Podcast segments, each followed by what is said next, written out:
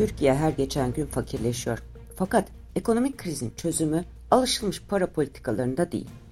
Günümüzde dünyanın saygın ekonomistleri ekonomik ayrımcılık ve eşitsizliklerin ekonomik istikrarı ve büyümeyi azalttığını savunuyor. Bu podcast'te şu sorulara cevap aradım. Kadınları gözeten daha eşitlikçi ekonomi politikaları neden gerekli ve nasıl uygulanabilir? Yeşil ekonomiyle ilişkisi ne? Toplumun refahına katkısı ne olur? Feminist ekonomistlerin yaptığı çalışmalar sadece kadın ve çocukların ayrımcılığa maruz kalan kesimlerin değil, erkeklerin de daha refah, daha mutlu bir düzen kurması için öneriler sunuyor. Eşitsizlikleri ve adaletsizlikleri giderecek kamu politikaları hem istihdamı artırıyor hem de büyümeye olumlu etki ediyor.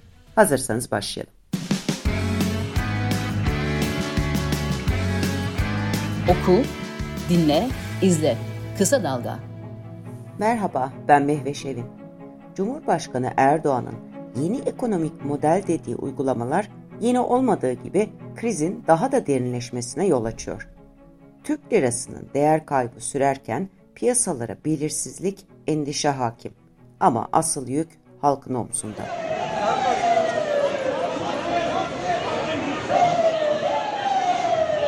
Tamam, açar mısın? Açmıyorum. Yolu açar mısın? Açmıyorum. Sen ne istiyorsun çünkü? Sen suçundan vazgeçiyorsun. Yolu, yolu açar mısın? Bu terörü durdur ben de açacağım. Durdur bu terörü. Biz gidelim şuraya yanlarını açmamamızı yapalım. Bu terör değil. Kamu düzenini sağlamaya çalışıyoruz. Bu devlet terörü. Bu polis Pek çok kentte düzenlenen protestolarda geçinemiyoruz ve hükümet istifa diyen vatandaşlar gözaltı ve polis şiddetiyle karşılaştı.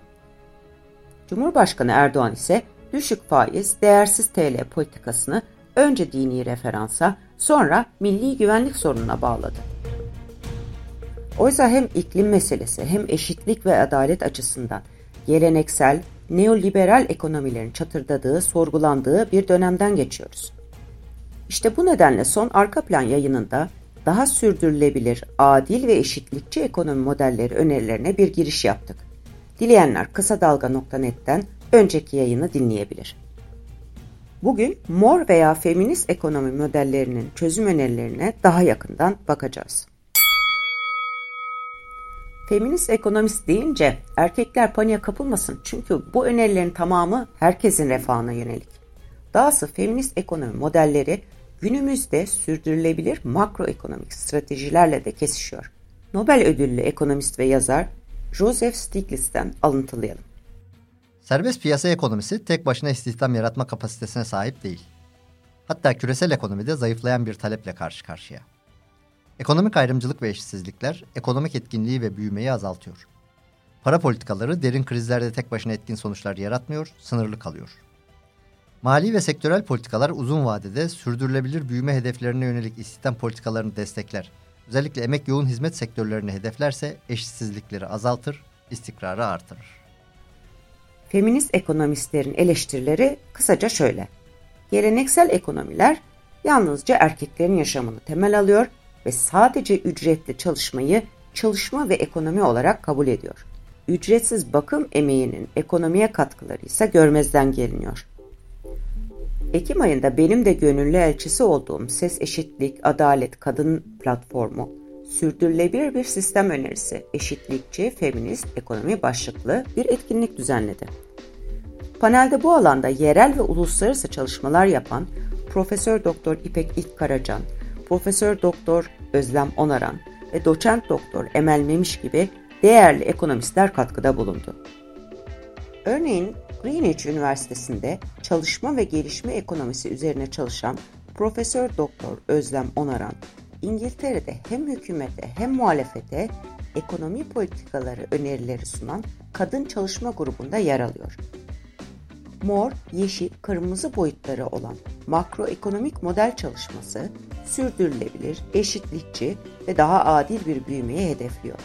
Bu modelin mor boyutunda sosyal altyapı harcamalarını arttırarak yani görünmeyen ev emeği yükünü azaltarak kamuda yüksek ücretli ve kaliteli işlerin yaratılması öneriliyor. Yeşil boyutta kamunun fiziki yatırımlarına mesela toplu taşımaya öncelik veriliyor.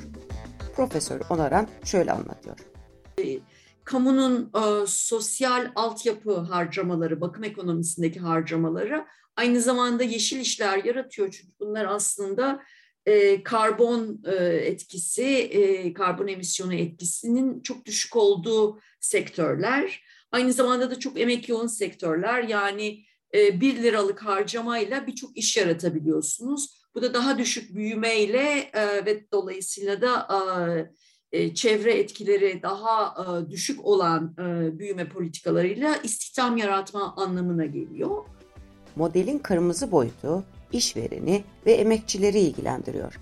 E, hem çalışanlara daha fazla e, söz hakkı e, ve pazarlık gücü e, vermeyi hedefleyen politikalar hem de kamunun öncülüğü altında ücretlerin arttırıldığı politikalar. Tabii kamu sektöründeki harcamalar hem iş yaratsın hem de iyi ücretli, kaliteli işler yaratsın bir kırmızı boyutu politika bileşimimizin. Diğer boyutunda da kamunun öncülüğü tabii ki özel sektördeki ücretleri de etkileyecek. Ee, ve son olarak da kurumsal değişiklikler tabii kamunun yapacağı, kamu sektörünün, hükümetin yapacağı e, yasal değişikliklerle belirleniyor. E, sendikaların pazarlık gücünü ve toplu sözleşmelerin e, ücret belirleme e, kapasitesini e, arttıran e, emek piyasası düzenlemelerinin e, öncülüğünde e, çalışanların hem pazarlık payının hem e, kolektif e, e, katılımının e, hem de ücretlerinin e, gelişeceği politikalardan söz ediyoruz. Tabii morla kırmızının bir araya geldiği emek piyasası politikaları da var burada. E, sendikaların gücünü arttırmak önemli ama sendikaları hem de daha e, kadınları da içeren, kadınlara daha fazla e, yönetim e, aşamalarında söz veren, e, kadınların toplantılara daha kolay katılabileceği mekanizmalarla sendikaların güçlendiği politikalar önemli. Aynı şekilde eşit işe eşit ücret politikalarının kamu tarafından daha güçlü bir şekilde dayatıldığı emek piyasası politikaları burada önemli. E, tabii hem sendikaların hem de kamunun öncülüğünde mor ve yeşil olan bir başka ücret politikası da erkeklerle kadınlar arasındaki ücret eşitsizliğini e, yukarıya doğru bir e, yakınsamayla aşma politikaları. Kadınların hem iş yaşamında hem evde yaşadığı eşitsizliği gidermek üzere belirlenecek kamu politikalarına dikkat çeken, hem toplumsal refahın hem de daha adil bir büyümenin mümkün olduğunu bilimsel olarak ispatlayan bu çalışmalar gerçekten çok önemli. Mor ekonomi modellerinin merkezinde bakım ekonomisi var İstanbul Teknik Üniversitesi öğretim görevlisi, iktisatçı Profesör Doktor İpek İlkkaracan şöyle tarif ediyor bakım ekonomisini. Feminist iktisatta hane içi emek, kadın emeği, ücretsiz emek gibi kavramlarla ta 1970'lerden beri hatta e, belki 19. yüzyılda birinci kadın hareketinden beri tema olan bir konu ama e, son yıllarda ortaya çıkan bu terminoloji bakım ekonomisi bunun e, ücretsiz emeğin, hane içi emeğin, e, hane içi yeniden üretimin ötesinde başlı başına bir ekonomik alan olduğuna dikkat çekmeye e, çalışan bir terminoloji. E, ve e, bu e, şey alan nedir dediğimizde en başta bakıma bağımlı olan çocuklar, yaşlılar, hastalar, engelliler gibi özellikle bakım desteğine muhtaç toplumsal kesimlerin ama bir tek onların değil aynı zamanda e, çalışma e, çağındaki e, sağlıklı yetişkinlerin de günlük yaşamlarını idame etmek için gereksinim duydukları fiziksel, sosyal, duygusal desteği sağlayan bakım hizmetlerinin üretim ve tüketimine dayalı tüm iktisadi faaliyetler. Bakım emeği de ikiye ayrılıyor. Dolaylı ve doğrudan bakım emeği. Dolaylı bakım emeği doğrudan bakım emeğini mümkün kılan o e, e, etraftaki e, hijyenik e, e, ve ihtiyaçları e, sağlayan malların üretimini mümkün kalan e, işte günlük ev işlerinden tutun yemek yapma, temizlik, alışveriş, ev idaresi gibi tüm işleri içeriyor. Ayrıca kırsalda özellikle de az kalkınmış kırsalda su ve odun toplama, yemek üretimi ve işlenmesi gibi e, ek işleri e, içermekte.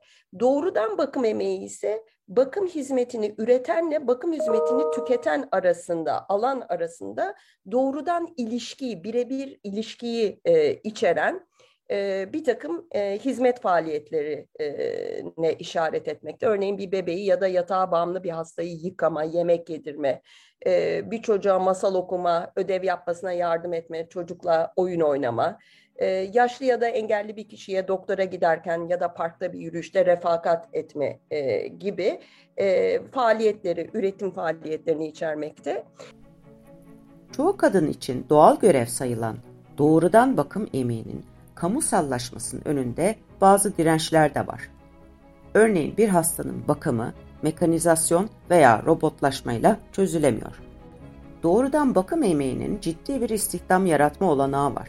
Zannetmeyin ki feministler yaşlı, bebek, çocuk, engelli bakımını veya ev içi işlerin tamamını piyasalaştırmayı öneriyor. Aksine sosyal ve insani ilişkiler üzerine kafa yoruluyor, modeller geliştiriliyor.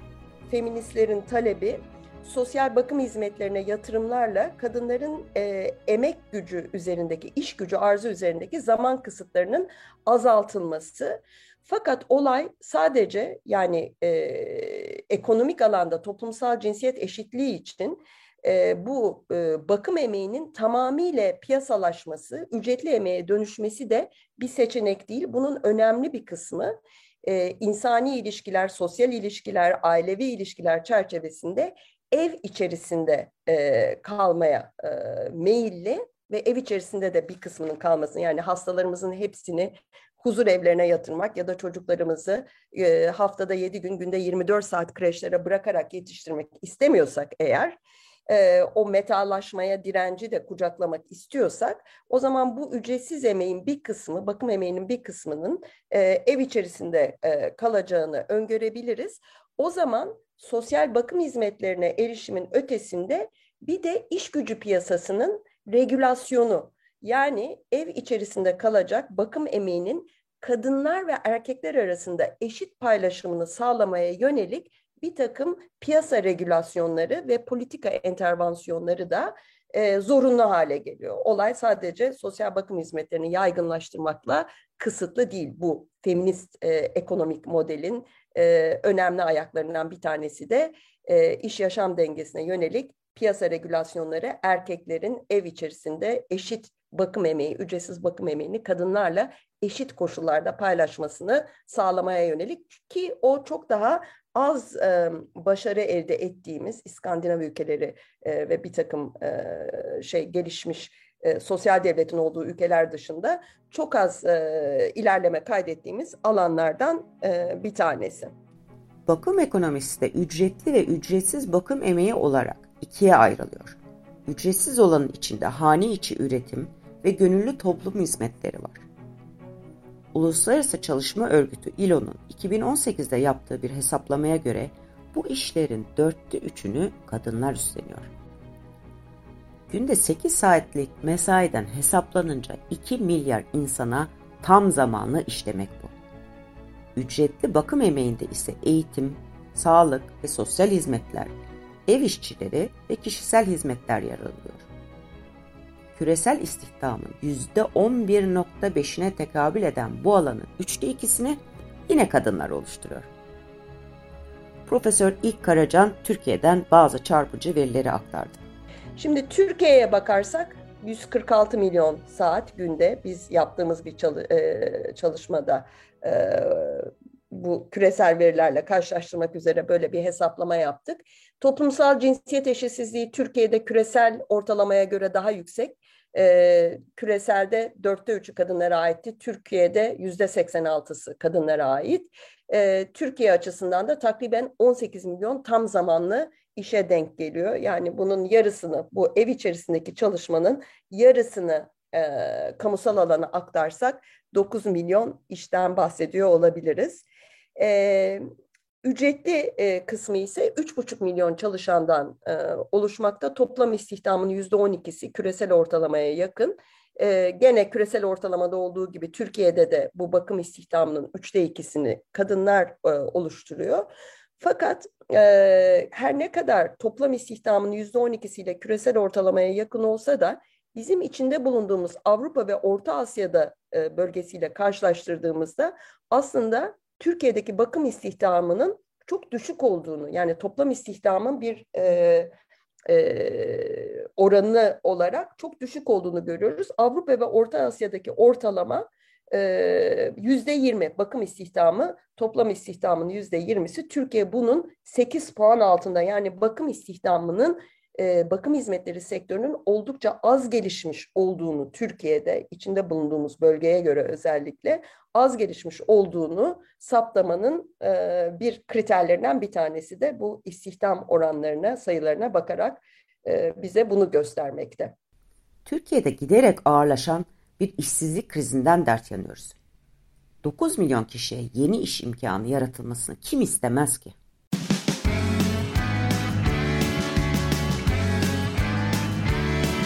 Kulağınız bizde olsun. Kısa Dalga Podcast.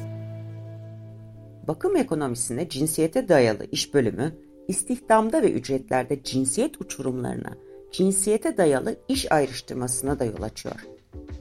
Aynı zamanda daha fazla zaman gerektirebilen yönetim, karar alma, siyaset gibi alanlara kadınların girememesinde bir nedeni. Kadınların çocuk, hasta ve yaşlı bakımını üstlenmek zorunda kalması gibi nedenlerle işini bırakmak veya işe girip çıkmak zorunda kaldığını hepimiz biliyoruz, yaşıyoruz. Ev ve iş yaşamı dengesini kurmak adına kadınların daha fazla zaman, sorumluluk isteyen işlere meyletmediği, işverenin de kadın çalışanlara bu bahanelerle daha fazla ayrımcılık uyguladığını da biliyoruz. Peki tüm bunlar ekonomiye ve yoksulluğa nasıl etki ediyor? Haliyle iş gücüne katılım, iş deneyimi, kıdem yılları ve cinsiyete dayalı iş ayrıştırması olunca gelirde ve ücrette ve servet birikiminde de cinsiyet uçurumları bütün bunların organik bir e, sonucu olarak e, karşımıza çıkmakta. Ama feministlerin son dönemde dikkat çekmeye çalıştığı konu bu bakım ekonomisindeki cinsiyete dayalı iş bölümü sadece toplumsal cinsiyet eşitsizlikleri değil, bunun ötesinde katmanlı sosyoekonomik eşitsizlikler yani e, hane halkı geliri ve eğitim seviyesine göre kadınlar arası eşitsizlikleri de çok besleyen ya da göçmen, etnik, ırksal, bölgesel e, gibi boyutlarda kökene dayalı eşitsizlikleri kadınlar arası yani haneler arası ama aynı zamanda kadınlar ve çocuklar arası sosyoekonomik eşitsizlikleri de e, beraberinde getiren e, bir e, şey kaynak bu e, bakımdaki iş bölümü. Ee, onun dışında makroekonomik anlamda iş gücüne katılım ve emek verimliliğini azaltan ve büyümenin ivme kaybına e, neden oluyor değişik mekanizmalar aracılığıyla. Ee, bunun ötesinde e, yoksulluk çalışmalarında yoksulluğun deriş, derinleşmesi, örneğin çifte çalışanlı hanelerin e, evli çiftlerde erkek ve kadın çalışanlı hanelerin yoksulluk riskinin tek erkek çalışanlı hanelere göre diğer tüm kontrol e, faktörler kontrol edildikten sonra Türkiye verileriyle biz yüzde elli daha düşük olduğunu e, buluyoruz. Haliyle tek, tek erkek çalışanlı hane yapısını destekleyen bir ekonomik yapı ve ev içi hane üretimi yapısı yoksulluğun da derinleşmesini beraberinde getiriyor. Eşitsizlikler sadece gelir yoksulluğuna değil, zaman yoksulluğuna da neden oluyor, diyor Profesör İlk Karacan.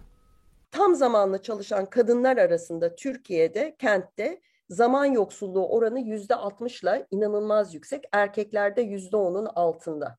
Yani Türkiye'de mevcut iş gücü piyasası koşulları ve mevcut hane içindeki e, bakım emeğindeki iş bölüşümü ve bakım politikalarının eksikliği göz önünde bulundurulduğunda bu çerçevede tam zamanlı iş gücüne katılacağım diyen, tam zamanlı bir işte çalışacağım diyen kadınların yüzde altmışı zaman yoksulluğunu göz önüne almak zorunda. Yani zaman yoksulluğundan muzdarip olmak durumunda erkeklerin e, altı katı, altı katından daha fazla bir zaman yoksulluğu riski. Haliyle bu koşullarda kadınların iş gücüne katılımdaki yani iş gücüne bağlılığı çok daha zayıflıyor. Türkiye'de evden çalışma konusunda belki şaşırtıcı gelecek bir sonucu da paylaşayım. Yani aslında kentli erkekler gerektiği zaman kadınlarla gayet güzel iş bölümü yapabiliyor. Bu yüzden feminist ekonomistler erkeklerin iş yaşam dengesi için esnek çalışma gibi yöntemlerin daha fazla uygulanması gerektiğini vurguluyor. Peki bakım ekonomisine daha fazla yatırım dendiğinde ne anlıyoruz? Çocuk kreşleri, yaşlı ve hastalar için bakım gibi sosyal altyapı yatırımları, toplumsal cinsiyet eşitliğini sağlamak açısından en çok bilinen kısmı. Profesör İlk Karacan, sosyal politikalara yapılacak yatırımların yoksulluğu da azaltan yanına dikkat çekiyor. Emek yoğun ve istihdam çarpanı çok yüksek bir hizmet sektörü olarak sosyal hizmetlere yapılan e, yatırımlar ve e, harcamalar ciddi miktarda diğer sektörlere yapılan harcamalara göre ciddi miktarda istihdam yaratma kapasitesine e, sahip ve bunlar daha çok kadınların istihdam edildiği sektörler olduğu için daha toplumsal cinsiyet dengeli e, kadın emeğine talep artışlarının da e, sağlayacak e, bir e, şey mekanizma yaratıyor ve bu şekilde toplumsal cinsiyet eşitliğini de geliştirme potansiyeline sahip. Ama onun ötesinde yoksulluğu azaltma nasıl? E, e, hem e, yeni işler yaratma, işsizliği azaltma, iş gücüne katılımı arttırma üzerinden e, hem de e, çifte kazananlı, er, tek erkek kazananlı hanelerden çifte kazananlı hanelere geçişi sağlama ve e, bu anlamda da hanelerin yoksulluk riskini azaltma. Hatta son dönemde yaptığımız çalışmalar e, sadece geril yoksulluğunu değil, kadınların zaman yoksulluğunu da e, azaltıcı e, ve refah, hane refahını arttırıcı etkilerini bulgulamakta. Yerel hizmetlere yatırımların yani sosyal sosyal bakım hizmetlerini yerelde hizmet sektörünün e, gelişmesi olarak tanımlarsak yerel hizmetler çekişli karbon nötr ve yeşil büyümeyi de destekleyici e, bir e, özelliği var. Mor, yeşil, kırmızı ekonomi modeline dönecek olursak, Profesör Özlem Onaran bu modelin makroekonomik etkilerini şöyle açıklıyor. Bunun makroekonomik etkileri çok güçlü e, hem çok yüksek e, ekonomik etkinlikte yüksek bir artışa yol açıyor. Gayri safi milli çok güçlü bir şekilde artıyor. Hem üretkenlik çok güçlü bir şekilde artıyor. Hem de e, hem kadınların hem erkeklerin istihdamı, çalışma saatleri, toplam çalışma saatleri ciddi bir şekilde artmış oluyor. Yeni e, istihdam yaratılmış oluyor. Tabii bunun sonunda da aslında e, kamu harcamaları kısmen kendi kendini finanse etmiş oluyor. Çünkü hiç vergileri arttırmadan bile e, güçlü bir e, iktisadi büyüme yarattığınız için bu e, doğal olarak kamunun vergi gelirlerini arttırmış oluyor. Bu tabii birebir bir finanse etmek değil. Yani bir liralık kamu harcaması yaklaşık e, 50 kuruşluk bir e, kısmını e, finanse ediyor kendi kendinin e, bu büyüme etkisi sayesinde. E, şunu da eklememiz lazım. Özellikle sosyal altyapıya yönelik kamu harcamalarının kendi kendini finanse etme gücü e, fiziki altyapı harcamalarına göre biraz daha da güçlü. Ama tabii bu süreç sadece etkilerden bir tanesi. Eğer kamu harcamalarının tamamını finanse etmek istiyorsanız yani e, kamunun e, borcu artmasın istiyorsanız e, yapılacak diğer e, politikalar e, vergi oranlarını arttırmak.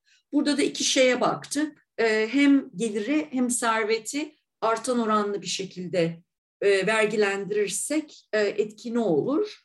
E, bulduğumuz sonuç özellikle servet vergisinin çok güçlü olumlu etkileri olduğu makroekonomik anlamda hem büyümeyi hem özel yatırımları hem istihdamı hem de kamunun bütçe e, dengesini çok güçlü bir şekilde e, olumlu bir yönde etkiliyor. E, dolayısıyla aslında e, hem Türkiye'de hem İngiltere'de özellikle e, servet eşitsizliğinin çok arttığı pandemi sonrası dönemde e, kesinlikle üzerinde durmamız, düşünmemiz gereken e, bir maliye politikası e, artan oranlı, daha eşitlikçi, daha adil bir e, servet vergisi politikası. E daha ne olsun? Feminist ekonomistlerin önerileri erkekleri de zenginleştirip daha mutlu kılacak. Dahası ekolojik dengeleri gözetecek ve gezegeni daha yaşanabilir hale getirecek formülleri içeriyor. İTÜ'nün yaptığı bir araştırmaya göre Türkiye'de sosyal bakım hizmetlerine yapılacak harcamaların inşaat çekişli bir büyüme modeline göre 2 ila 3,5 kat daha fazla istihdam sağladığı ortaya çıktı. Bunun yoksulluğu azaltma etkisi de 3-4 katı.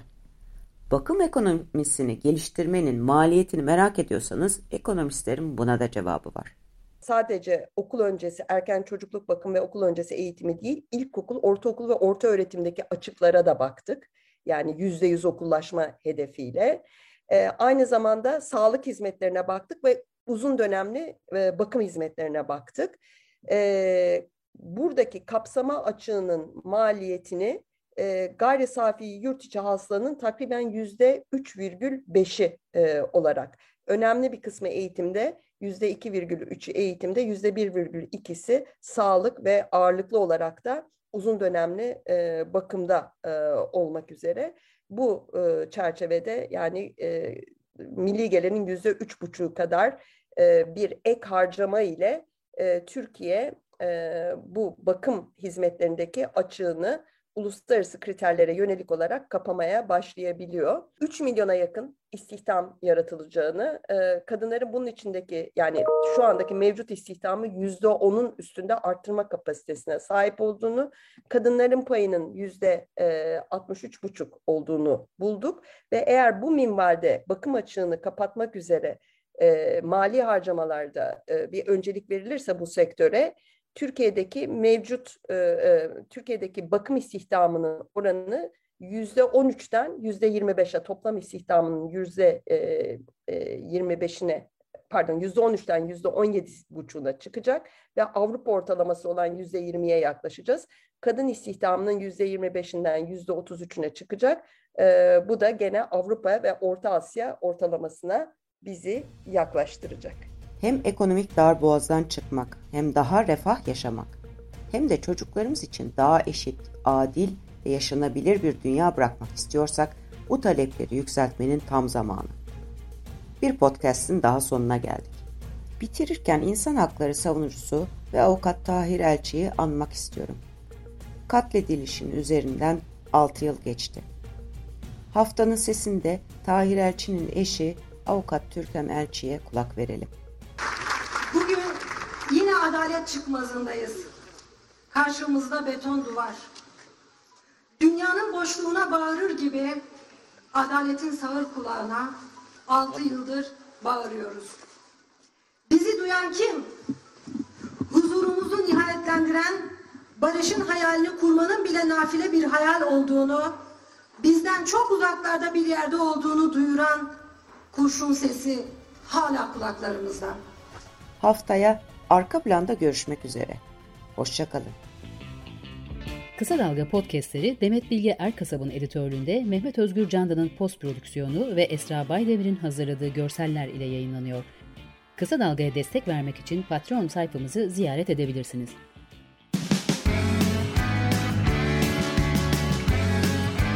Oku, dinle, izle. Kısa Dalga.